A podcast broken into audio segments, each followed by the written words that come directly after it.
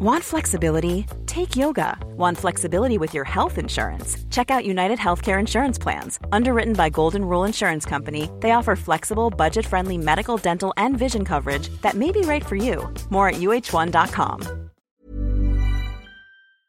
Alltså jag menar ju så här att räntefonderna, det viktigaste uppgiften de har i portföljen, det är att hålla nere risken. De ska se till att de ska bevara värdet och se till att man har pengar kvar oavsett vad som händer.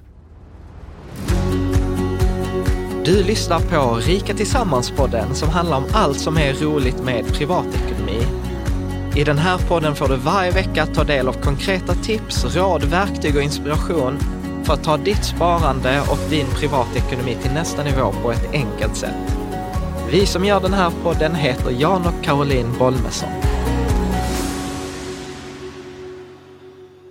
Idag så har vi egentligen en fortsättning på förra veckans avsnitt tillsammans med Henrik Tell. Så väl, välkommen tillbaka, kan man säga så? Tack så mycket. när, när, när vi avslutade det förra avsnittet för tio Mm. minuter sedan.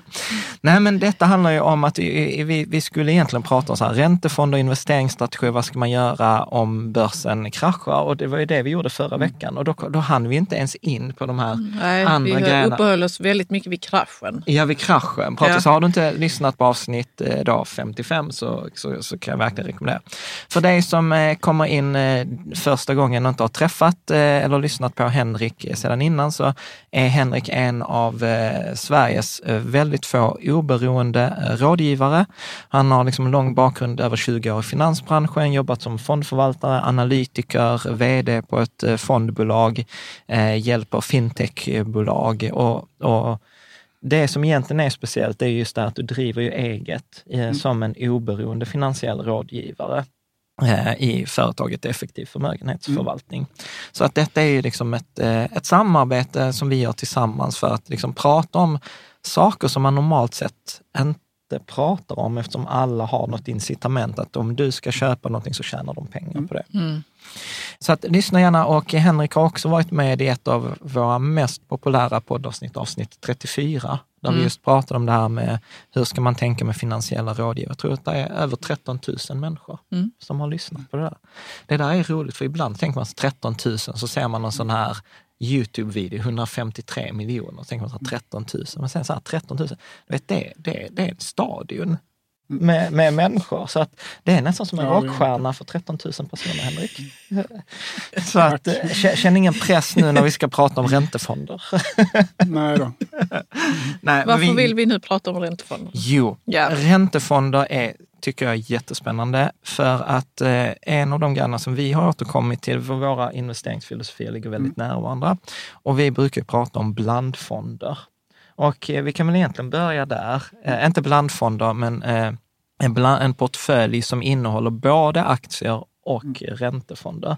Så om vi börjar där, varför tycker du att en portfölj ska innehålla räntefonder? Det är ju inte säkert att den ska det. Alltså det finns ju...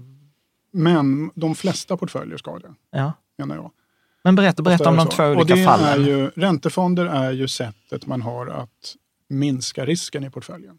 Mm. Det, kan också, det behöver inte vara räntefonder, det kan vara räntesparande på bank också. Det kan vara, eh, och det finns ju massa olika sorters räntefonder förstås. Men grund, den största och viktigaste uppgiften en räntefond fyller i en portfölj är att det minskar risken. Aktier det tillför risk och avkastning, räntefonder minskar risken Mm. och sänker avkastningen. Men kan vi inte för, för de som är verkligen så här supernya, hur kommer det sig? Vad, vad är en räntefond? Ja, en räntefond är ju en, den fungerar precis på samma sätt som en aktiefond. Alltså det är ju en eh, eh gemensam, eh, eller ett sätt att gemensamt äga en, man, får, man äger en andel i en värdepappersportfölj. Fast skillnaden mot en aktiefond är att i en räntefond så är värdepappren obligationer och statsskuldväxlar och ja, andra lik- certifikat, bankcertifikat och andra så att säga, räntebärande värdepapper. Mm. Alltså som ger en fast ränta. Mm. Så att det, det kan, alltså, kan, kan, Eller en man- rörlig ränta. Kan man ja, men kan man säga som att det är att man lånar ut pengar till Sveriges stat? Ja, alltså det är till precis landet det man Sverige? gör. Ja. Det är, precis, det är exakt det man gör. Ja. Alltså staten ger ut ett värdepapper som du får köpa för pengar Ja. och sen ger staten tillbaka dina pengar över tiden. De betalar ränta. Ja. Så att, så att det egentligen är det som att de flesta av oss, vi är vana att gå till banken och låna pengar för att köpa ett hus. Här är det att vi lånar ut pengarna Ja. till någon annan, till exempel. Mm. Eh, Och, ofta brukar man ju bunta ihop ränte och obligationsfonder. Ja, Vad är, vad är skillnaden? en obligationsfond är ju en räntefond. Men det finns ju andra räntefonder än obligationsfonder också. Man kan ju prata om likviditetsfonder och penningmarknadsfonder och, och så. Så att det finns ju lite, det finns lite olika varianter. Men du gör det lite obligations- förvirrande också tycker jag. Ja. Att det finns så mycket olika och Men kan vi måste inte- man vara insatt Och i många vad... av dem är ju blandningar av det här också. Ja. Men, men grund, räntefonder köper ju räntebärande värdepapper och de ska ju normalt sett inte köpa några aktier. Nej. Mm. Men, men kan vi inte urskilja de stora, alltså de stora penseldragen? Vi behöver inte gå in på, men du säger så här, penningmarknadsfonder, Mm. eh, räntefonder, eh, realobligationsfonder. Ja. Ja, det finns ju. Om man börjar med att titta på alltså räntepapper som fonden investerar i. Mm. Eh, kan se lite olika ut. De kan ha, man pratar antingen om att de har en löptid, en lång löptid eller en kort löptid. Det är den ena dimensionen. Mm. Visst är hur länge eh, man lånar? Statsskuldväxel ligger, de- har en löptid på under ett år och obligationer, statsobligationer har en löptid som är längre än, eh, än ett år oftast. Och de, de löper ju till ett visst datum och sen vid det datumet då, då förfaller obligationen. Och då får man då, om man har köpt en obligation för, av staten för en miljon får man då tillbaka sin miljon. Under tiden har man då fått ränta på den här. Mm. Och den räntan vet man från början att den är, det, är, det är så och så många kronor om året som den här miljonen kommer att ge. Eh, och eh, Och Vad kan den räntan ligga på? Ja, Kan det vara är- lite olika? Ja, den varierar ju över tiden. Men när du köper obligationen, om du köper den direkt så vet du ju exakt vad räntan är. Mm. Sen så handlas de här, finns det en andrahandsmarknad. Så att, och då kommer ju räntan att eh, variera lite över tiden då, beroende på vad folk är beredda att betala. Mm. Eh, och det är inte... Och de här går ju att räkna på. Det, det, är- man vet ju exakt hur många, för de här kupongerna är bestämda i kronor per obligation. Så du kan ju räkna baklänges och komma fram till att den här är värd, om jag köper den här obligationen för det här, så här mycket pengar så kommer jag få exakt den här räntan då tills den förfaller.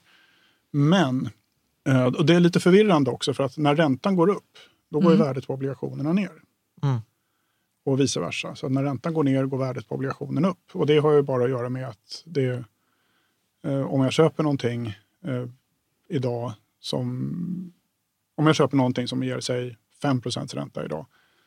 Om räntan går upp, ja då måste ju värdet på den tillgången sjunka för att den ska ge, om räntan går upp till säg 10 för att hålla det enkelt, så måste ju värdet på den här tillgången gå ner för att den också ska ge 10 För du kan Vänta, inte vilken ränta den. är det som går upp nu?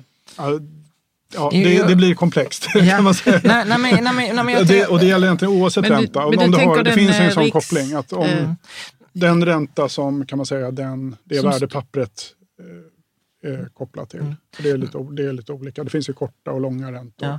Nej, men, um, så, så här bara, tänk, bara hos staten. Och sen så finns det ju andra än staten som ger ut obligationer också. Och då blir det ännu snårigare. Så att säga. Nej, men, jag, men jag tänker att det, för det, det viktiga här att komma ihåg, som, spar- för, för detta, var, detta var en sån grej jag fattade för några år sedan.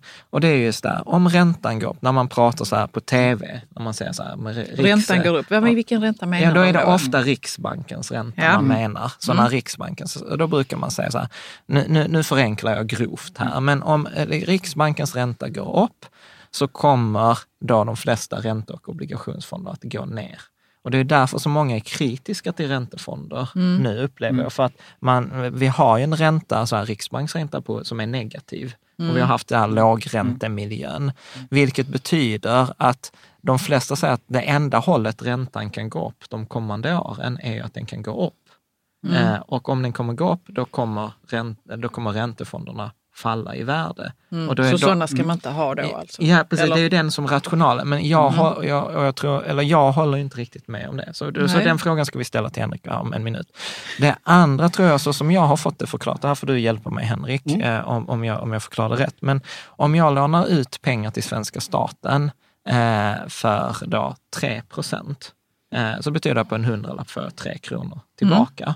Mm. Om sen räntan ökar, då har jag ju lånat ut 3 till dig, men jag hade ju kunnat låna ut till någon annan nu för den högre räntan. Mm. Och då vill jag ju hellre låna ut dem till någon annan där jag får mer pengar för det än att ge dem till dig. Och eftersom då efterfrågan på de pengarna jag har lånat ut till dig för 3 kronor sjunker, då sjunker ju också priset på det. Mm. Hänger, hänger du med? Så att det är ju där relationen blir, att om räntan ökar så faller värdet på de andra. Det är det Henrik sa, att om, om det faller, för då måste ju den kompensera, för den ska vara lika, för du ska vara lika attraktiv på de där tre procenten. Då måste man sänka priset. Och, och vice versa. Men, men det där är ju det där är ju någonting som många säger nu och som argumenterar mot det, eh, så, som jag brukar säga, att, ja, men, att ha räntefonderna i en portfölj. Men hur skulle du resonera? Säg, Mm. räntefonder i en portfölj, vara eller icke vara? Ja, vara tycker jag. Eh, De har definitivt en plats i portföljen för, för de flesta. Eh, Sen är det... Men sen har jag håller med just om den här beskrivningen att det är med negativa räntor och framförallt, nu har vi det är en korta ränta som är negativ, alltså två upp till, jag vet inte hur många år det är negativt nu, men, men eh, och det betyder att det är korta räntefonder, det är framförallt penningmarknadsfonder och likviditetsfonder då, de, är ju, de har en väldigt kort löptid och de kommer att röra sig väldigt mycket eller de är väldigt styrda av den korta räntan. Eh, Obligationsfonder som har en löptid på kanske runt fem år, eventuellt mer, de kommer ju ha mer, vara mer påverkade av vad som händer så att säga, med den femåriga räntan och den tioåriga räntan. Och så. Är det långa? de- Det är ja, de långa. långa Mm. räntorna. Mm. För alla de här räntorna, de är marknads... eh, Eller de handlas ju hela tiden. Så att, säga. Så att du kan ju he- hela tiden få ett pris på tioårsräntor, och femårsräntor och Mm. tvåårsräntor och så vidare. Eh, Så att det blir lite olika djur de här räntefonderna beroende på vilka räntor de är exponerade mot. Men, eh, Precis, det- men det är ju, överlag så är det så att räntorna är ju historiskt låga just nu. Mm. Och det betyder att ja, den förväntade avkastningen på en räntefond med löptid på fem år, den kommer vara ganska nära femårsräntan. Mm. Och, eh, Och vilket är väldigt bara lågt. Då är, ja, det är typ nollaktigt, Mm. 0, någonting. Eh, men om man bara då investerar i statspapper, då får man den risken. Mm. Då, och det är ju därför då man börjar prata om företagsobligationer och så, för de ger ju lite mer. För där Mm. finns det en möjlighet till meravkastning i och med att du tar en risk som då är att det här företaget ska gå i konkurs. Mm. Och då betyder då får du ju en, en liten premie i, i form av då den här Mm. för det. Men, Och då, då får du lite bättre ränta. Och det är väl så många, många gör. Många fyller på fonderna med den typen av papper istället. Mm. Hänger du med Caroline? Eh, Jag zonar ut lite nu. Men, ja, eh, jag ska, Nej. men I princip så är det så. Det, det finns en dimension. Löptid är en dim- viktig dimension. Ja. Eh, En annan viktig dimension det är vilken kreditrisk du tar. Svenska Mm. staten är i princip noll kreditrisk. Och staten kan alltid trycka upp flera svenska kronor och betala sina skulder med. Mm. Hur stor är liksom, precis. vad värdet för kron, av vad kronorna blir värda då, liksom är, Mm. det är ju en annan sak. Men, men de kan alltid betala skulder i svenska kronor med nytryckta svenska Ja. kronor. Så att risken att svenska staten ska gå i konkurs är väldigt liten. Om du har en fordran i. Precis. Så, så att egentligen det vi pratar om är ju så här, hur stor är risken att den jag lånar ut pengarna till inte betalar tillbaka? Och då säger vi att den är absolut. noll eh, för staten, men för ett företag, nej den är inte obefintlig och därför får vi mer betalt i, i räntan. Då vill jag ha, om jag ska låna ut pengar till ett företag så vill jag ha lite högre ränta eftersom Ja. jag tar lite mer risk där. Precis. Och det är, Men, men till exempel, eh, jag, jag vet ju att eh, när, när man tittar på portfölj, som jag tar eh, mina egna, till exempel i nybörjarportföljen eller jag vet i Lysa som du har eh, hjälpt i deras portföljkonstruktion, då brukar man prata en blandning, både så här korta, långa, eh, lite företag, alltså så att man lånar ut på kort sikt till svenska staten, på lång sikt till svenska staten, eh, till företag. Eh, Också så att man har en blandning av de här olika. För det är lätt att tro att man köper en räntefond och sen så tar man täckt in allt. Eh, och, och där vet jag att många av läsarna till exempel så att de gillar ju den här, jag gillar ju också den till exempel Spiltan räntefond. Men, men den är ju väldigt kort, jag tror den bara är på 12 månader. Och då har man bara liksom fått en liten nisch av de här räntefonderna. En annan sån som har varit mycket på tapeten, jag vet att du har fått mycket frågor och jag har fått mycket frågor, så här, Öhman, eh, Ja, realobligationsfond. Eh, vad är en real, realobligationsfond? Ja, den skiljer sig på det sättet att det är också statsobligationer. Eh, Men där justeras kan man säga kupongerna, alltså ränteutbetalningarna efter inflationen. Så att om, om inflationen stiger så kommer man få lite mer i ränta i den fonden. Eh, Och det, det, är, eh, det gör att de kommer bete sig lite annorlunda. Eh, För att de kommer att de kommer reagera på inflationsförändringar på ett sätt som för en vanlig obligationsfond, om inflationen stiger, då kommer den allt annat lika att eh, gå ner. Ja. För att de pengar, pengar Pengarna blir imorgon mindre blir mindre värda. värda än pengar idag. Och, då, Mm. och man vet ju exakt att en obligation den ger pengar imorgon och du vet exakt hur mycket. Och de kommer då vara lite mindre värda. Eh, realobligationsfonden, då justeras de här.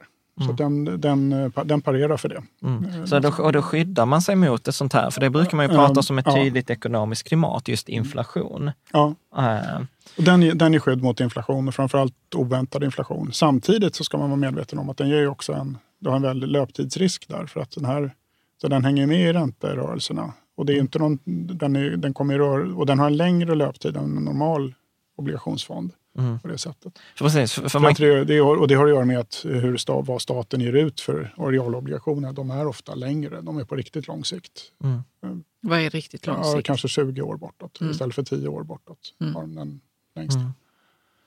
Mm. Så Så, att- så, att om, om man då till exempel ska ha räntefonder i, i Mm. sin portfölj, om man vill göra detta själv. För jag vet till exempel på Lysa så gör det automatiskt. Går man som Mm. kund till dig så hjälper du till automatiskt med detta också. Eller inte automatiskt, manuellt hjälper du till. Skitsamma. Mm. Eh, och, och om man ska göra detta själv, då ska man tänka liksom någon kort, eh, kort eh, sån här fond. Och där vet jag till exempel, ja, då brukar jag ju själv tänka så här, Spiltans eh, fonder. Eh, sen kan man, ska man tänka en lång, då finns det ju vissa som till och med heter så här, eh, AMF räntefond, Mm. lång, eh, eller det. Eh, en realobligationsfond Mm. och en företagsobligationsfond. Eh, då, har man liksom en, då har man täckt in hela räntemarknaden, kan man säga så? Ja, mer eller mindre. De, de har inte tagit in eh, den här globala sidan till exempel. Mm. Ja. Och den är lite Men är knepigare den- att få till. Men är inte den Mm. väldigt svår att få till? Alltså så här, nu kommer jag verkligen från egen, för, för jag har inte hittat någon svensk utländsk, eller någon utländsk bra obligationsfond i Sverige. Nej, det har inte jag heller faktiskt. Ja. Det, det finns inte För, för jag vet ju till exempel Vanguard har ju den Ja. Total Bond Market, men den går inte att köpa längre, har jag för mig, på grund av Mifid. Eh, och Ja, de, de har en europeisk, jag tror att det finns en det finns också börshandlade fonder för det här. ja, Men det de för med sig då, det är ju valutarisk. Mm. ja. Och det eh, vill man kanske inte ha i räntedelen. Nej, och, och, och, det I handlar ju alla fall om... inte för mycket. Nej, och det handlar ju för om man har en förväntad avkastning kanske 2 eller 3, Mm. 4 procent på en räntefond och valutan som nu mot euron har ju rört sig med en 10 procent, eh, tror jag det senaste halvåret. Det betyder att plötsligt den här rör sig 3 procent, men sen har du minus 10 procent på grund av valutan. Och det är ju inget kul, för, för att då har man plötsligt fått ett annat djur eh, i, i, i portföljen. Sen, sen ska man vara medveten om att om man är långsiktig, alltså Mm. det- är önskvärt att man så att säga, tar, rensar bort de här valutarörelserna. Men för Mm. en långsiktig investerare så kan det vara värt att ta det ändå. För, för att det förväntade värdet av, eller förväntade utvecklingen på valutakurserna, den är noll. Mm. Det finns ingen tillväxt i valutakurserna. Ah, vad spännande. Det där har inte jag tänkt på. För du kan inte investera, det, det går inte att jämföra med aktier. Alltså det är inte så att du automatiskt kommer få någon sorts tillväxt bara för att du investerar i någon viss valuta. Och där. Nej. Men, eh, Men vänta, så vänta. över tiden kan man vänta sig att det blir valutarörelserna, de kommer ta ut varandra i princip. Givet att, Aha. Men hur Eller lång tid pratar det. man då om? Ja. Alltså är det tio år? Vet, nej men det, det kan vara hur lång tid som helst. Och det behöver inte bli så heller. Utan det är ju bara det, är ju det förväntade. Mm. Ja. Den förväntan man kan lägga i en valutakurs är i princip. Precis, alltså det genomsnittliga väntevärdet, liksom, det är statistiskt. Gud, gud vad spännande, detta var helt nytt för mig. Ja, det har vi detta, inte tänkt så Nej, detta på, måste, nej. Jag, detta måste jag bara så här smälta. Alltså, för, för, för, för jag vet ju att det där var ju faktiskt en av de, du kanske tjuvkikade på vårt pappa Henrik, för det var en av frågorna. För jag, till exempel med Lysa när jag pratade Mm. så har jag fått väldigt många så här, ja men Lysa är ju jättebra men de har ju inte valutaskyddat sina räntefonder. Och där vet jag att du är ju lite pappa till den portföljen tillsammans med andra. Eh, Så då säger du egentligen så att nej, men att argumentera för att, att valuta skydda de här är ett, att det skulle bli dyrt och på lång sikt så är ändå det förväntade resultatet plus minus noll på valutan. Så länge det inte är en stor del av portföljen ser jag inget stort problem med det. Mm. Alltså det är inte en, om det är en liten del av portföljen så kan, Mm. man, kan man hantera den risken. Och det, och det är precis som du säger, alltså valutasäkringen kommer ju med en kostnad också. Ja. Så lite beroende på. Det hade varit en sak om Vanguard, Vanguard hade gjort den som, Ja. har, eh, som vet vad de håller på med. Liksom. Men om vi som en liten svensk aktör eller, Ja. Eller som privatsparare. eller som privatsparare framför allt så är det helt... eh, ja, det, går, går inte. Nej. Nej. Men, men, men, men, Men, där finns... ja. Ja. förlåt. Säg. Nej, det var... Ja. Fortsätt. Nej, men vissa säger ju så här att ja, men man ska spara lite och så har jag ju också gjort att jag har försökt ha en del i euro eller i USD eller i Schweiz och franc. Så då säger du så här att nej, då spelar det egentligen ingen roll. Eller, alltså så här, Men om- varför, varför alltså- ska man ha det? Ja, det är ju det som är frågan. ja, om jag hade kommit till dig som klient och sagt så här, vet du vad, titta här har jag en miljon och jag har delat upp den 250 000 i kronor, eh, 250 euro, 250 i Schweiz och frank. Då hade du sagt så här, varför har du gjort så? Eller Ja. hade du sagt så här, tumme upp? Nej, jag hade sagt, hur tänkte du där? Hade jag sagt. Eller varför det? Ja. Ja, varför för gjorde att du det? Finns, nej, men det finns ju en tumregel och det är det att man ska ha, alltså pengarna man har, de ska ha samma exponering som de kostnaderna man förväntar sig framöver. Ja. Så jag menar, har du kostnader i Schweiz eller tänkte du flytta till Belgien eller Spanien eller någonting, så då, då kan det finnas skäl att ha Men inte om jag har tänkt att bo i schweizerfranc eller Ja. motsvarande. Ja. Men om du räknar med att förbruka pengarna här, då, då tar du egentligen bara risk när mot andra Mm. valutor. Aha. Alltså Ja. det är inte så att du... För, för det, där var ju också en, en stor tråd på... Sen, är sen kan man diskutera schweizerfranc till exempel, är ju en sån här safe haven eh, ja. valuta, eller anses ju det på marknaden att den kan vara i, i kristider så brukar den klara sig ganska bra. För då vill alla, då vill Ha alla ha schweizerfranc av någon anledning. Är lite Men- finare valuta. Ja, eh, men, men, det, ja, men det är så. Det är väl en trygg valuta och de har en historik och, de har en, Ja. och sådär. Men det är väl, och det, och det kanske är så nästa gång också. Så att det Ja. kan ju finnas sådana argument för det. Ja, Men det är men ingen, det- men det det är tes som jag kommer driva. Nej, men det är ju en spekulation. Alltså, på, Ja, det är det ju. Ja. Och, och, det är ju, och det kan gå bra eller det, kan, gå- det kommer att röra sig. Liksom. Ja. Men om det är positivt eller negativt Ja. det finns det ju ingen... Ja. Det finns ju liksom ingen anledning att på samma sätt som aktier anta att det här kommer att ge en positiv utveckling över tiden. Nej. Utan det är mera som guld eller Ja. något sånt. Ja, Ja. men jag tänkte att det snarare var så. Ja. Ja. Var det det du tänkte? Med att ha eh, lite olika valutor? Nej, jag tänkte mest att jag hade otur när jag tänkte. Nej, Men men, vad sa du, att det var en stor tråd eller? nej, men det, var, det var en stor tråd också i frågor och svar som handlade just om det där med valutarisk. Att folk var lite oroliga nu när svenska kronan så där sjönk i värde, om det var någonting som man skulle göra en grej av att nej, men nu ska jag flytta pengarna till euro istället, för då hade de hållit sitt värde. Och jag var så här, mm, jag kan inte riktigt se rationalen bakom att göra det, utan, utan då har jag tänkt så här, ja, man, att om man har en korg, så för mig blev det en, alltså att inte lägga alla äggen i samma korg, att ha lite i olika valutor. Men nu när du säger det så här, när över tid, alltså över en tillräckligt lång tidsperiod, så är sannolikheten är som störst att det kommer ge ett plus minus noll resultat. Det är så jag Ja. tolkar det. Liksom. Ja, eller att det är i alla fall det, det, det är det värde du kan, om du, om du ska så att säga räkna med ett förväntat värde, så är det genomsnittet av alla framtida utfall. Om man säger så, så det Ja, precis. Men sen så kommer det i praktiken hamna någon annanstans. Alltså det kommer vara en uppgång eller en nedgång. Men Ja. liksom när du sitter och tänker så är det ju noll Ja. du får räkna med. Som, Ja, nej men precis. Ja, men bra, om, vi skulle säga någonting här kring realobligationsfonden, för du vet ju, Mm. du skrev ju också ett svar som vi publicerade som blev jätteuppskattat, så tack både för Ja. mig och för många läsare. Men, eh, för det var ju att de slog ihop denna nu, eh, Öhman, Mm. eh, tillsammans med en annan. Och det, som, det var väl egentligen inget vi hade emot, men det som var trist var ju att den fick ju den höga avgiften. Eh, På jag tror 0,7, vilket är ju ganska högt och mycket högre än det vi brukar räkna 0,4. Mm. Eh, och då skrev du så här, ja man behöver kanske inte göra nytt just nu, men finns det något alternativ? Ska man plocka bort det? Är det för dyrt? Får man fortfarande effekt? Det är väl det som är frågan. Ja, alltså de gör ju två saker med den här fonden. Det första är att den har varit passivt förvaltad. Mm. Eh, och det har jag gillat. Och den har varit, de har haft marknadens lägsta avgift. Eh, och det har jag också gillat. Och det har ju fått till följd att den har gått i sin kategori, alltså man jämför med andra realobligationsfonder, så har den gått väldigt bra. Mm. Och, eh, och det finns ju egentligen inget sånt här klockrent alternativ. Eh, vi menar väl att det är väl bra att ha en liten exponering mot den tillgångsklassen och då får man ju titta på vilken fond som är billigast eh, där man är. Det ser lite olika ut på Nordnet och Avanza. Vet jag. Mm. jag tror Handelsbanken finns på Avanza och den är, men inte på Nordnet och det är någon annan som finns på andra stället. Men, men att man tittar på priserna och ser vilken som... Mm. För, och alla de här fonderna som återstår, då, de är ju aktivt förvaltade. Och det är ju... eh, Det ser, jag ser det som en nackdel eftersom det gör det bara svårare att förutsäga och hur det kommer de bli. kommer att bete sig.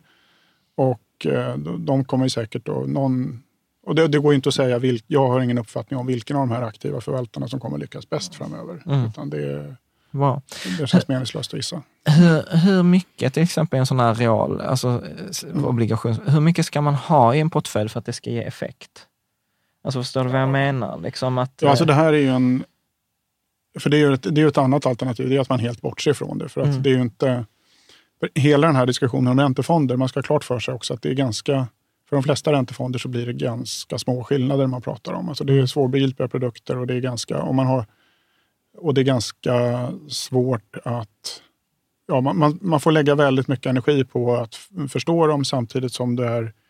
Alltså de här det, är inte de här, det är inte den här portföljdelen som kommer att skapa meravkastningen. Mm. Alltså om det är en avkastningsskillnad på en mellan 0 och 1 procent mellan alla de här så är det, mycket. kan det vara mycket. Liksom. Mm. Precis, Och och, och, där är ju så här syftet är att detta är ju krockkudden Ja. i, i, i, portföljen. Liksom. Mm. Eh, skulle du, alltså, där finns ju en tumregel som man brukar säga så här, att man ska ha lika mycket räntefonder som man är år gammal. Mm. Eh, vad, är- vad är din sån här spontana syn kring en sån regel? Ja, den stämmer väl i princip ganska bra, men man, måste, man kommer ju återigen tillbaka till det, här, det vi pratade om förra veckan då, med Mm. målen. Mm. Att om, jag har, om jag är 80 år gammal men planerar att barnen ska ärva det här kapitalet som jag nu Mm. för, förvaltar, ja, då kan jag lika gärna placera det väldigt långsiktigt. För att om det ändå är barnens intressen som ska Då, behöver, då kan jag minska ränteandelen. Så, ja, så, Mm. det, så det är ju en tumregel. Liksom. Men det är om man Mm. inte har något... Men för sin egen konsumtion och för sin egen planering så funkar det ju ganska, ganska bra. Mm. Mm. Det är en bra utgångspunkt i alla fall. Ja, och då, då handlar det om liksom att om jag är 36 år gammal, då har jag 36 procent i de här räntefonderna. Och sen, Ja. kan, och sen kan jag fördela de här 36 procenten då på de här korta, långa realobligationer. För- inte Och jag menar egentligen det- att man behöver inte göra det så komplext för sig heller. Mm. Utan det är, jag, jag skulle vilja...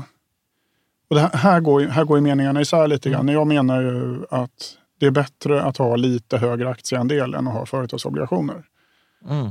i ränteportföljen. För att det är en, eh, du kan få bättre aktieexponering än vad du får om man tittar på vilka, vilka företag och hur många företag och så du får exponering mot. I, Mm. På aktiesidan så det, finns det bättre produkter där. Eh, Och företagsobligationerna är, framförallt om man tittar på high yield-sidan så samvarierar ju de med aktiemarknaderna. Mm. Och det här är en del, om du vill, och det är ju ingen egenskap man vill ha i krockkudden i portföljen. Mm. Så att, Jaha, så att det- så om att då- om aktier går ner så kommer företags, Så kommer eller de high yield-fonder gå ner. framförallt, då kommer Mm. de också gå ner. Mm. Tänk, tänkte du någonting? Du, Nej, jag du, Ja, och det, Vad, vad sa han nu för Ja. något? Ja, Men nu fick jag för det förklarat. Ja, men det var ju så här att, att, att de eh, high yield samvarierar med aktiemarknaden. Ja, Att de, jo, men att de går åt samma håll. Ja. Ja, om och aktier- meningen är ju att det ska vara en krockkudde så att Mm. räntefonderna inte går åt samma håll Precis, som du, aktierna. precis, du man vill vill, att de ska hålla sig still åtminstone. Mm. Eller Ja. motsvarande. Eller, ja, ja, du vill ju liksom inte att krockkudden, när du behöver den så funkar den inte. nej. Liksom, det precis. var- Nej, men det, det där var ju en, en stor insikt för mig bara här för, för, för någon vecka sedan, just att en high yield-fond, alltså de här räntefonderna som oftast har högst avkastning, de lånar ju de facto ut till de företagen som har svårast att få lån och det är därför man får högst ränta på dem. Mm. Och, och det där var för mig så här, gud, ja, men det där pra, alltså, Det är jag, risk med dem. Nej, precis. Jag hade inte tänkt färdigt. Nej. Jag hade inte tänkt färdigt. Varför ger de här räntefonderna högst eh, avkastning? Och, och därför är det så himla klokt det du säger, att då är det kanske bättre att ta en aktiefond än att ta de här high Mm. yield-fonderna. ja. Eller det kan handla om att man har lite högre aktieexponering än vad man skulle ha haft istället för att investera i det. Mm. Ja, precis, i, i, i, de, i de fonderna. Mm.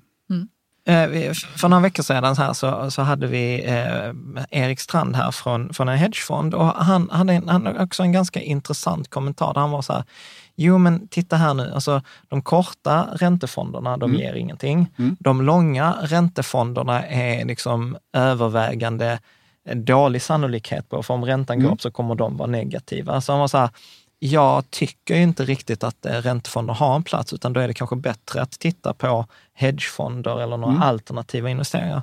Vad, vad tänker du? För det här handlar inte om rätt eller fel, utan det är bara olika Mm. åsikter. Hur, hur, hur resonerar du i, i, i, ett, i ett sådant? Eh, ja, man kan ju fundera på... Alltså jag menar ju så här att räntefonderna, det viktigaste uppgiften de har i portföljen, det är att hålla nere risken. De ska se till att de ska bevara värdet och se till att man har pengar kvar oavsett vad som Mm. händer. Och det gör både långa och korta hedgefonder alldeles utmärkt på lite olika eh, tidshorisonter. Alltså en lång, eh, en lång räntefond, eh, den kan ju variera väldigt mycket över tiden. Men Mm. så att säga, en lång obligation, man vet ju vad man får i slutändan ändå. Det är Mm. just marknadspriset för den kan variera på vägen. Men med det sagt så är det naturligtvis så att korta räntefonder, ja, de, de ger negativ avkastning idag. Eh, Och det är ingen lysande investering och det kan vara en bättre investering att ha pengarna på en nischbank till exempel. Och där man, så länge de täcks av investerings, Garantin. garanti, eller insättningsgarantin.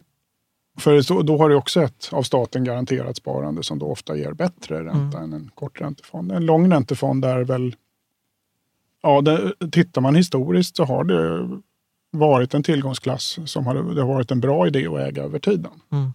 Och sen har det funnits perioder när det, där när det inte har varit bra, men eh, långsiktigt så tycker jag absolut att det ska vara en del av portföljen. Mm. Mm. Eh, och sen om man tittar på alternativen som eh, alternativa tillgångslag kan ju betyda väldigt mycket. Men, eh, och hedgefonder kan ju se väldigt olika ut. Det var, vi det, pratar precis, ju lite det vad, vad de kan innehålla. Precis, för det, var, Ja. det var ju min stora insikt efter att jag Mm. började. För innan så har jag alltid varit så här, alla hedgefonder är dåliga. Mm. Eh, Och då var mitt liv ganska enkelt. Och sen insåg jag så här att hedgefonder, det är ju precis som att säga räntefonder. Alltså det finns många olika slag, Mm. men de brukar buntas. Ja, man kan inte bunta ihop Man kan inte bunta, att bunta ihop dem. Men innan vi ska, vi ska prata lite om hedgefond. Men där är en Mm. annan fråga, nu, för jag tyckte du sa en jätteintressant sak, så här, ja, man har pengarna på bankkonto istället. Alternativet man ibland brukar säga, och detta är en fråga som jag Mm. genuint är lite villrådig. Amortera eller ha pengar i en räntefond? Förstår du? För, alltså Ja. här, att om jag har eh, liksom en miljon och Mm. samtidigt har jag lån på huset, ska jag fördela min miljon på 60-40 och amortera på huset eller ska jag ta liksom de pengarna? Mm. Alltså, förstår du? Mm. Och det där är ju, ja, det, och det är inte en fråga som har ett svar heller.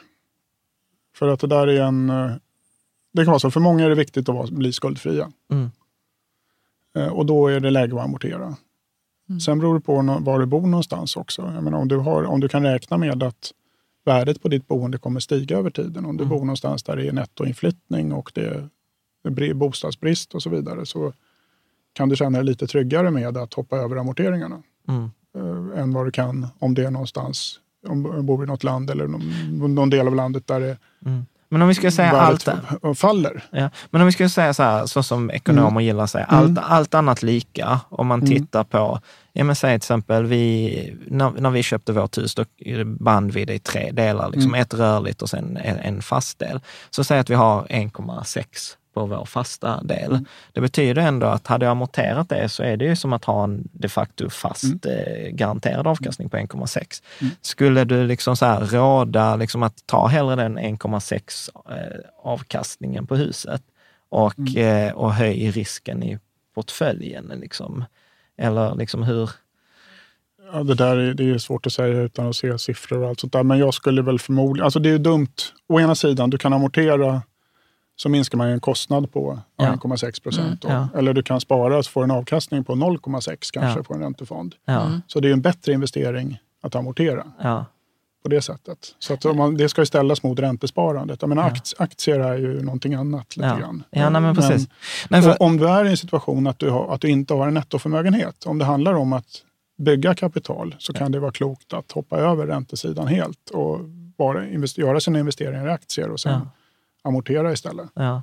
Nej, för, för, för att det, det är ju, jag har ju tänkt på det här jättemycket för vår egen situation Mm. och, och, och jag har ju tyvärr förmodligen felaktigt landat i situationen Mm. att jag mentalt bokför det helt olika. Att jag bokför huset eh, alltså som ett nettosparande från våra löner liksom, Mm. och sen har jag portföljen för sig. Och att ja, men jag, jag, jag klarar... Ja, de är åtskilda för Ja, jag dig. klarar inte mentalt slå ihop dem. Att Mm. mm. diskontera, ja, det är mycket enklare för mig att tänka att jag har en 60-40 portfölj och sen har vi ett hus vid sidan av. Mm. Än att säga, nej men då har vi en 100-0 portfölj och sen amorterar vi ner på huset. Mm. För att när börsen sen faller, som vi pratade i förra avsnittet, Mm. med 50 procent så kommer jag må skitdåligt för att den kommer falla mycket och då kommer inte jag tänka så här, ja men jag har ändå amorterat 10 procent på huset. Mm. alltså, ja. ja, men det är väl skönt som du säger att, att man får lite välja vad som är viktigt. Ja, och det, blir, det blir väl också en... Men det, det kan ju finnas skäl att ha ett räntesparande ändå. Men jag skulle säga att om, man, om jag landar i att jag ville ha en, att jag har en så låg riskvilja eller en så låg riskaptit att jag, att jag skulle ha en väldigt räntetung portfölj. Mm. Då är det ju definitivt viktigt att amortera. Om man har en Mm. 10-20 procent räntepapper så då, då kan det vara bra att eh, ha, ha dem där ändå bara för att det blir en lugn, lite lugnare portföljutveckling och lite Mm. Just det här att man jobbar med en balanserad portfölj, kan, det, det, har, det har ju andra poänger också. Mm. Det kan vara lättare att ja, följa den strategin då på Mm. sparandesidan. Ja. Så det, det, det är lite olika överväganden. Den mentala biten blir ju viktig nästan. det- och Det är återkommande tema liksom, nästan allt man pratar om. Att det, Mm. det, är väldigt, det är minst lika viktigt hur man förhåller sig till och förhållningssätten till det som händer som vad som Mm. faktiskt är optimalt och vad som faktiskt händer. Nej men precis. Men är det det där att inte äventyra sitt boende eller vad? Nej, men, Mm. men jag tänker, nej, men om, så som jag tänker på det, det är att om jag har en 100-0 portfölj, 100% Mm. aktier, och den faller med 50 procent, då kommer den falla med 50. Liksom, Mm. på 50 kronor och index kommer vara minus 50. Men om jag har en 60-40 portfölj, ja då kommer jag bara tappa 60 procent av det. Då kommer min portfölj bara minska med 30 procent. Och då kommer jag ligga över det där indexet. Och, och, och även om det är felaktigt att jämföra en 60-40 portfölj med en, med en 100 procent index, så är det det vi människor gör. Och, och då kommer det kännas så, gud, alltså börsen har fallit med, 100, eh, med 50 procent, men jag har bara fallit 30. Jag ligger bättre. Och den mentala kan göra att jag fattar klokare beslut. Does vad har det med huset att göra egentligen? Ingenting. Nej. Att, jo, men det har, det har att göra med huset, att, att om jag hade tagit bort räntedelen så hade jag haft en 100-0-portfölj och huset, Mm. så hade jag mått sämre mentalt när portföljen faller i värde. Och då hade jag förmodligen tagit sämre beslut, för jag klarar inte räkna in huset. Mm. Ja, jag får fundera på det där lite. Ja, jag får kanske förtydliga detta liksom, eh, sen. Mm. Ja, men det, det, där är, det där är klurigt. Det är klurigt. Och, det Eh, fin- ja. och du kan ju inte rebalansera med huset heller. nej, Så om du kan, in- du kan inte, huset är inte lika lättjobbat i en, i en totalportfölj som ja. aktier och räntebärande. Så man kan ju, det kan finnas poänger med att göra den separationen att man mentalt. Att man har, man har sitt sparkapital och du har ditt hus och du har din ja, övriga verksamhet och, och jobb och så vidare. Men att det blir... Man måste göra det lätt för sig också om man ska Ja. komma, ja. komma i mål med det. Ja, nej men precis. Bra. Eh, eh, om vi, tar lite, vi hoppar tillbaka där till hedgefonder, eh, vi, för vi hade ett avsnitt, jag tror det var avsnitt 50, där vi pratade om det här just med marknad. Så att det finns hedgefonder som vars mål är att vara så här marknadsneutrala, att gå plus oavsett hur mark, eh, marknaden går. Och det kan man ha lite olika åsikter om. Men det som jag fastnade på, det var att när jag tittade på, eh, och då var det, var det Lynx eh, Brummers på sin hemsida, en beräkning, där de skrev liksom så här, om man tittar på de senaste 30 åren eller vilken historik de nu hade, så hade den, deras naturligtvis, för de är parter i målet, hedgefond, hade ökat den riskjusterade avkastningen. Är med? Att, att Hade du en 100-0-portfölj, alltså 100 procent aktier, och en 80 procent aktier och 20 procent deras hedgefond, då fick man en bättre, bättre avkastning till en lägre risk med deras hedgefond. Mm. Och det kan jag säga att den tanken har aldrig slagit mig Mm. innan. Utan, eh, ja, och det var för mig något helt nytt. Mm. Har du någon tanke? Inte, behöver, inte specifikt just om deras fond, men Ja, jag har här. flera tankar. Det, det, det ena det är ju att ja, den fonden, det, är alltså, det, är en typ, det är en trendföljande fond. Mm. Och den kommer att vara och, och väldigt okorrelerad mot både aktier och räntemarknaden. Den, den, kan ju gå upp när det går ner. Och den, och den kan Ja, den lever lite sitt eget liv. Och det kan blir man väldigt, säga. men det är väldigt mycket en svart låda man köper. För att Mm. man köper ju deras, eh, deras modeller för Mm. hur identifierar man en trend och när går man in och när går man ur trenden och vad, Mm. Men precis, men skit, skit i just den specifika Men- fonden. Jo, utan jag alltså menar, det, ena, det, alltså det stämmer det där med att den är okorrelerad. Sen finns det ju den här effekten att ja, men alla andra fonder som fanns då när den startade. Mm. Alltså det här är ju historiskt under 30 år. Ja, visst, det, eller, vad, det- eller vad det är för period de har kört. Eh, Så ja, då, har den sett, då ser den jättebra ut. Men annars Ja, vad jämför de med liksom? mm. Alltså det finns ju survivorship bias i det här också. Att de har ju en lyckad historia, men det fanns ju några som har kört i diket på vägen också. Mm. Så att, eh, kommer de att lyckas med det här 30 år framåt också. Mm. Jag vet inte. Mm. Precis, det är lite det som vi pratade om i avsnitt eh, 34. Att du säger så att nej, jag är inte så att eh, passiv investering är det, det enda, utan det finns, ju, det finns ju exempel på aktiva fonder som har gått jättebra. Problemet är att det är kanske sex av tusen. Och utmaningen för oss sparare är då, hur ska vi hitta de här sex fonderna som kommer gå bättre än index? Eller, och då säger du egentligen samma sak här. Nej, hedgefonder kan göra din portfölj bättre, men hur ska du veta vilka sex av tusen hedgefonder är det du ska välja som, som inte kommer att köra i... Man ska säga att de, de är ju svårare att analysera och förstå än vanliga aktiefonder. Mm. Eh, Sen, sen är det naturligtvis så att om jag vore en riktigt skicklig förvaltare eh, och eh, visste att jag hade en hedge så skulle jag hellre köra en hedgefond än en vanlig aktivt förvaltad fond. För att då du får ju mera utväxling då på. Du kan ta större positioner, du kan få mera, göra, lite- du kan agera friare Mm. eh, och eh, tjäna bättre då på den då Den skill tron du du har. har. ja. Samtidigt så tittar man på all forskning som finns om hedgefonder, om man tittar på det som ett kollektiv, så har de avkastat uselt. Mm. Och det, Är det för att det är många som går i diket och några få som går det, bra? de går dåligt överlag. Det är, framförallt har det att göra med att det är avgiftsuttaget som de har. Alltså det är, de har Höga- väldigt höga avgifter. Mm. Och, det, och det gör att som kollektiv så får de väldigt svårt att, Mm. att prestera särskilt bra. Eh, och, och där hamnar jag också i att eh, f- f- så här USITS, att en fond, det är många som använder det, så här, vi är en USITS-fond. Och, och det, det typ jag har läst på, det är att det det är en EU-reglering. Vad innebär, så här, tycker du att det är viktigt att en fond ska vara USITS? Och, och vad, vet Och du vad vad är det och vad, vad det är? Ja. Ja, det är ju- är ju egentligen, UCITS-fonder det är ju det som kallas för värdepappersfonder i Sverige. Ja. Alltså det är enkla fonder, de får inte... Det, finns, det, det har egentligen att göra med vilka gränser som finns för hur man kan förvalta fonden. Och de följer då den här lagen om eh, värdepappersfonder eller vad den heter. Och eh, sen finns det då, de som icke är UCITS, de faller in under det här med alternativa investeringsfonder. Och det är ju, det, då kan man ta ut svängarna mer. Alltså du kan ha, I i UCITS-fonder är du garanterad en viss riskspridning och du är garanterad att det inte eh, vissa typer av värdepapper och så vidare. Eh, och det är ju... eh, Så det är en trygghet för mig Det är en trygghet och det är en enklare produkt och det är en, inte nödvändigtvis sämre produkt för Mm. den skull. För du kan göra väldigt mycket inom ramen för en UCITS-fond. Mm.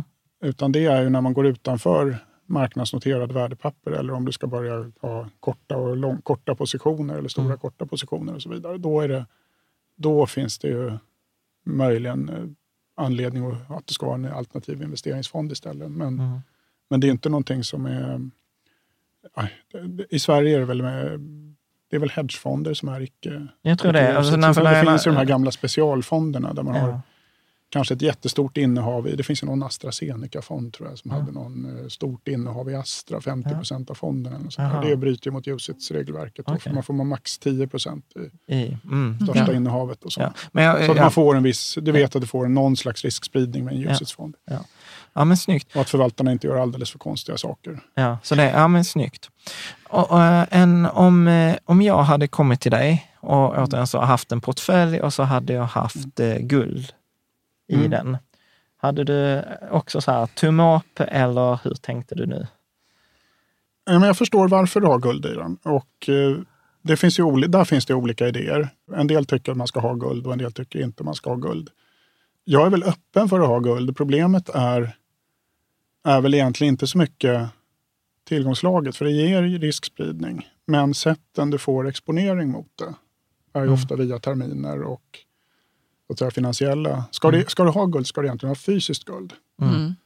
Men det får, då får du andra problem med hantering och rebalansering och så vidare av den portföljdelen. Men det, det, det får ju de egenskaperna du vill ha. Ja. För att det är ju framförallt, guld är ju bra när det är riktigt dåliga tider. Mm. Eh, Och eh, ja, om man pratar nästan så här apokalyptiska nivåer. Men, men då är det inte säkert att de här swapparna och terminerna och så vidare som de här fonderna har fortfarande fungerar. Nej, Nej, precis. Nej men precis. Nej. Men, Så att eh, vi, vi säger väl normalt inte guld. nej. Ha, ja, okej, så normalt inte guld. Men om, man, om, om jag ändå skulle vara en sån här jobbig klient som envisas, eh, så tror jag att Handelsbanken hade förut en rekommendation som var så här typ eh, mellan 5 och 8 procent av portföljen. Mm. Eh, skulle du, liksom, okej, om du nu ändå envisas, det verkar rimligt, eller nej, försök hålla det under fem. Eller vad, hur, hur skulle du resonera? Alltså vi har ju en uppfattning om vad som är en bra portfölj Mm. i grunden. I det, I det ingår inte guld. Nej. Eh, Vill du ha guld, du får ha hur mycket guld du vill. Mm. Men det ligger utanför vår, Ja, den rådgivning som vi gör. ja. Diplomatiskt svar. För att det är, man blandar Ja. inte in guld ens. Ja. Ja. Nej, jag tycker, jag, tycker det är, jag tycker det är jättebra. Eh, jag tänkte här, vi ska avsluta de sista minuterna. Eh, några så här vanliga frågor där jag, jag har liksom svarat läsaren, men jag tycker alltid det är bra att få en sån second opinion. Resonera kring att köpa bostad. Det är många som är oroliga för bostadsbubblan och liksom sådana saker. Har du någon tanke, åsikt? Det är helt okej att säga nej. Och jag kommer från Stockholm med- som har en helt skadad bostadsmarknad. Så där är ofta enda alternativet att köpa bostad om man ska Mm. bo, bo någonstans. Eh, Så att, eh, och det har ju... Det är inte så mycket med pengar Alltså, det att göra, mer att man måste bo någonstans. Ja, man ska ju man ska väl... Ja, det är ju det också. Det är, där, ja, men det är lite det du säger där också. Att jag måste ju bo någonstans. Mm. Och om jag säljer den där bostaden, så måste jag, och även om marknaderna kraschar, så måste jag bo någon annanstans. Och eh, om jag inte ska flytta till något annat land eller så, så kan man ju räkna med att det boende jag flyttar till har ju också fallit. Mm. Så att man, man kan nästan se bostaden som någon sorts valuta. Alltså man växlar till bostad Mm. istället för kronor och sen så kan du växla den bostaden mot andra bostäder framöver lite grann. Alltså Gud det vad en- spännande perspektiv. Men, eh, Ja. men det, den- sen är det ju, ja, nej, det är samma där. Alltså jag vågar inte säga någonting om tajmingen på någon eventuell bostadskrasch eller något sånt. Men den marknaden är ju som alla andra, att den kommer ju eh, Ha säkert gå både upp och ner. Ja, mm, precis. Jag tänker sista frågan, detta var från en läsare. Vad krävs om man vill bli en oberoende rådgivare? Oj. Eh, Jättesvår fråga tror jag, men ja, det är väl, man måste ju ha tillstånd från Finansinspektionen eller motsvarande eh, myndighet. Och då ställer ju de krav på att man ska ha relevant kunskap och erfarenhet. Och det kan man ha, få på, på lite olika sätt. Det är väl bra att ha en att man har läst någon sorts finansiell ekonomi någonstans i botten så man förstår lite om värdepapper och vad det är man pratar om. Och sen är väl eh, det som är viktigt för oss är väl om man skulle anta att det här att de skulle jobba med mig då eller den här Connectum som är den här norska firman som jag jobbar tillsammans med så handlar det väldigt mycket om värdegrunden också. Att man måste ju vilja eh, jobba med eller på det här sättet. Mm. Och det är inte, för det är inte självklart. Det är Nej. många som ger sig in i finansbranschen av helt andra anledningar och vill jobba på helt andra sätt. Och så. Det här är inte en eh, inte nödvändigtvis det som är... mm. Så Så att, alltså att, man, har man intresset så är det en bra början, men sen måste man ju se till att det är någon eh, rimligt relevant utbildning och sen också se till att eh, skaffa sig erfarenhet i någon form. och sen tror jag också Och uthållighet. närliggande eller samma område. Ja, ja. Mm. Eh, enklaste sättet är förmodligen att börja ta kontakt med någon firma som bedriver rådgivning i någon form och sen skaffa sig rådgivningserfarenhet där. Och sen, eh, för då, då lär man sig branschen och man lär sig, lär sig mycket av hantverket och sen, eh, och sen eh, ja, antingen börja jobba för någon annan oberoende firma eller också börja jobba direkt för en oberoende firma är väl förmodligen det bästa. Det finns inte så många att välja på tyvärr. Nej, nej, precis. ja, men Men, bra. Det var lite men råd på, lite råd på Mm. vägen. Mm.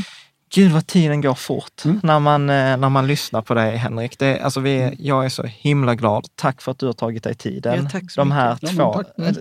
Två timmarna. Mm. Det, Ja, men tack för att jag fick komma. Det är jätteroligt. ja, var- kul att du Och tycker kul det. att komma ner lite till Skåne också. Ja, precis. Välkommen hit. Jag hoppas att du kan tänka dig göra om detta i höst, kanske, eller nästa år också. Eh, Jag tror att vi har, det känns ju som det är många frågor som vi bara skrapade på Ja. ytan kring. Ja. Tack så mycket Henrik. Ja, men tack själva. Tack. Och eh, till dig som eh, lyssnar eller har tittat på det här, vill du komma i kontakt med Henrik så har du på Henriks eh, hemsida effektivff.se och annars så kommer det bara finnas länk och sånt både i anslutning till poddavsnittet och videosavsnittet. Är det så att du har som frågor så vet jag att du i mån av tid har svarat på kommentarer så att ställ gärna de frågorna i kommentarerna också. Tack så mycket.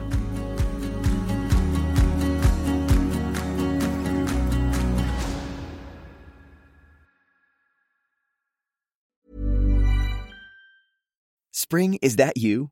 Warmer temps mean new Allbirds styles. Meet the new Superlight collection, the lightest ever shoes from Allbirds, now in fresh colors. These must have travel shoes have a lighter than air feel and barely there fit that made them the most packable shoes ever. Plus, they're comfy right out of the box. That means more comfort and less baggage. Experience how Allbirds is redefining comfort. Visit allbirds.com and use code SUPER24 for a free pair of socks with a purchase of $48 or more. That's A L L B I R D S.com, code SUPER24.